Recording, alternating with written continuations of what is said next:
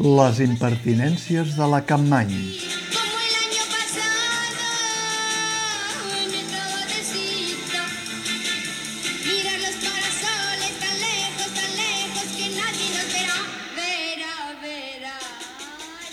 Que la Campmany, com li deien la gent del seu temps, se la sabia llarga, és un fet.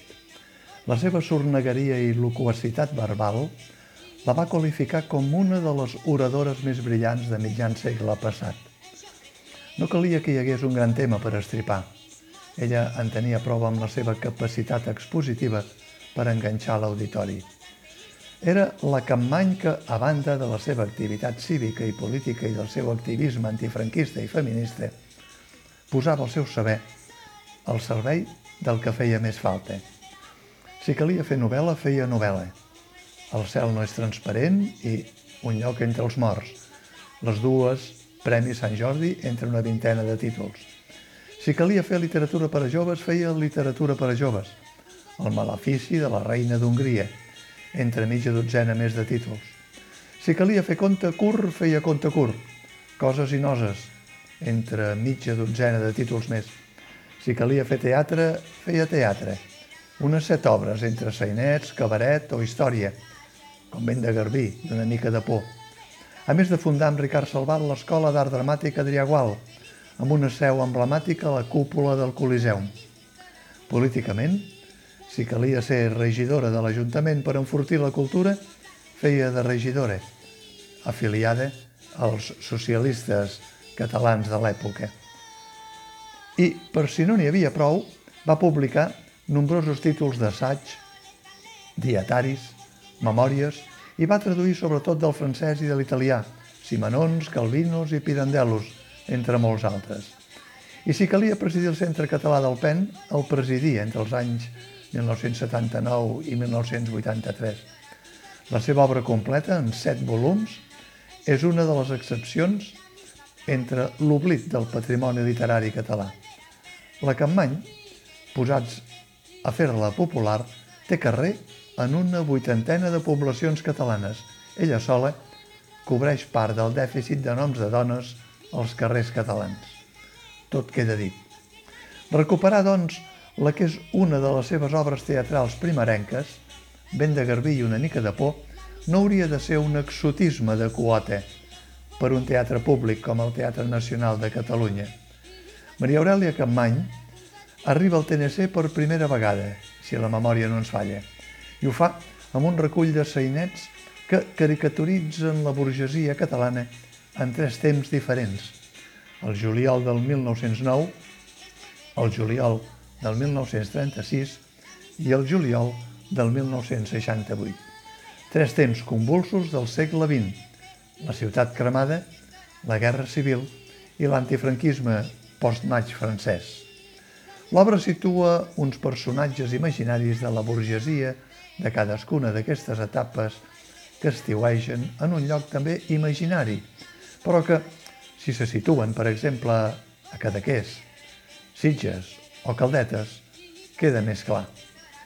Tots ells estiuegen en el sentit més ampli del terme estiuejar. S'obliden del que passa fora del seu món. Les revoltes i les cremes de convents, el cop d'estat contra la república o les revoltes obreres i universitàries no formen part del seu cercle. Maria Aurelia Campany va estrenar aquesta obra el mateix any 1968, al Teatre Romea. La va dirigir Josep Anton Codina, amb música de Manuel Valls. I van treballar, entre altres, Carme Sansa, Maria del Mar Bonet i Rosa Maria Cerdà. Molts anys després, el 1981, se'n va fer una versió televisiva dins el cicle de teatre de Ràdio Televisió Espanyola. La projecció d'un breu fragment en aquesta versió del TNC ho recorda amb els fotogrames de Carme Sansa i Llorenç Torres. Blanc i negre pur. Del blanc i negre d'aleshores, la versió d'Albert Brunat i Judit Pujol han passat al color clar, lluminós, cremós i característic amb què es mitifica l'estiueig burgès del segle XX, si és que se'n pot dir burgesia, de la burgesia que la Catalunya li va tocar en sort durant el segle XX. La versió respecta majoritàriament el text original de l'autora, amb els retocs imprescindibles que aconsellen el pas del temps. I afegeix un parell o tres de fugaces referències extretes del volum Cartes impertinents, en què la Campmany dona la veu a dones sense veu que s'adrecen a dones que ja tenien veu. Fa també un pròleg introductori per fugir d'un perillós arcaïsme i ho tanca amb una pila en clau de pamflet actual i també d'homenatge a Maria Aurelia Campmany que convida els espectadors a imaginar i traslladar-se a cadascuna de les tres èpoques en les quals se situa ben de garbí i una mica de por. La versió d'Albert Brunat i Judit Pujol, ella n'és la directora, ha optat per una mirada que es mou entre la caricatura i l'esperpent light. Fa una certa por que es comenci a mirar al segle XX, que sembla que encara el tenim a tocar, en clau d'esperpent. El situa en un espai indefinit.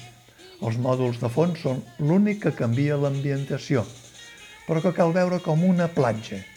Ah, que bé si s'hagués pogut aprofitar la immensa platja de l'espectacle lituà Sant Ancí, que va obrir la temporada del Teatre Lliure de Montjuïc.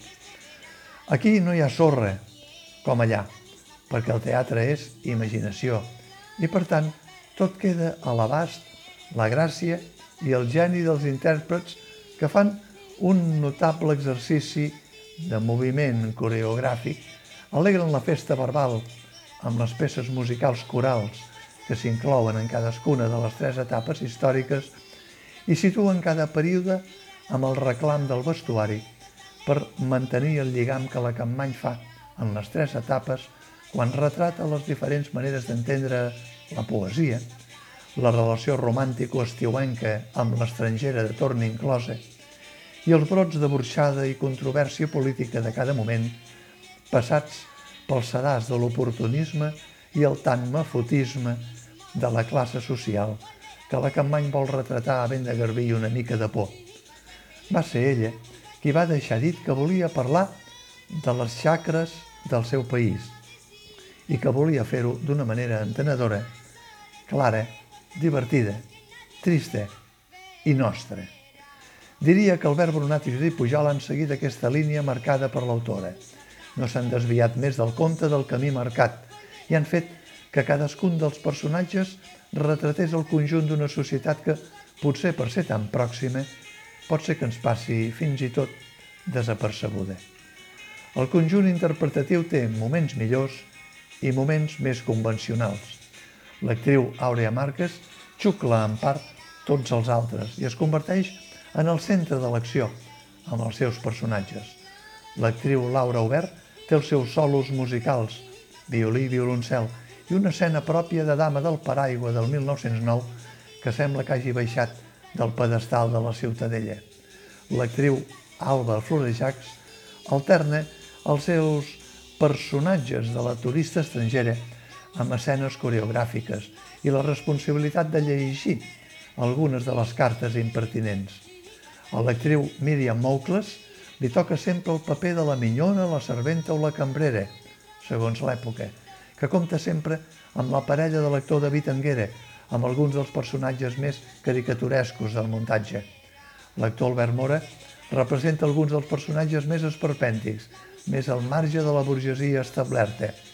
I Miquel Malirac i Joan Soler juguen el gat i la rata en les relacions fugaces d'estiu que es mouen entre la dèria del faltiller, la del poeta en evolució o la del conservador, partidari de pensar que qualsevol temps antic sempre va ser millor.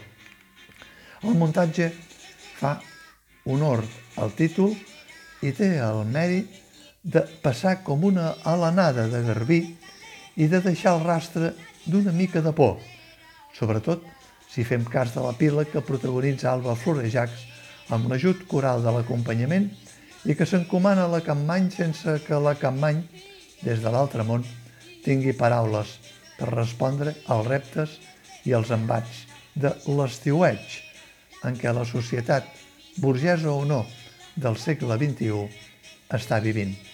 Tenim por de tot, Maria Aurelia diu.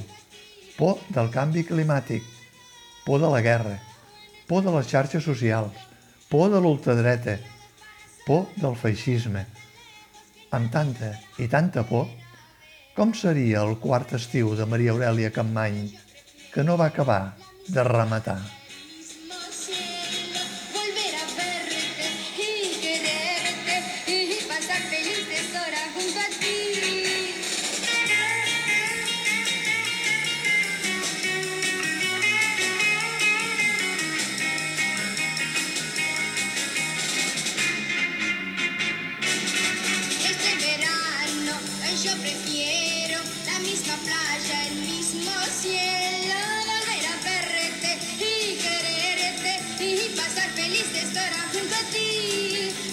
Pasar felices horas junto a ti, la misma playa, el mismo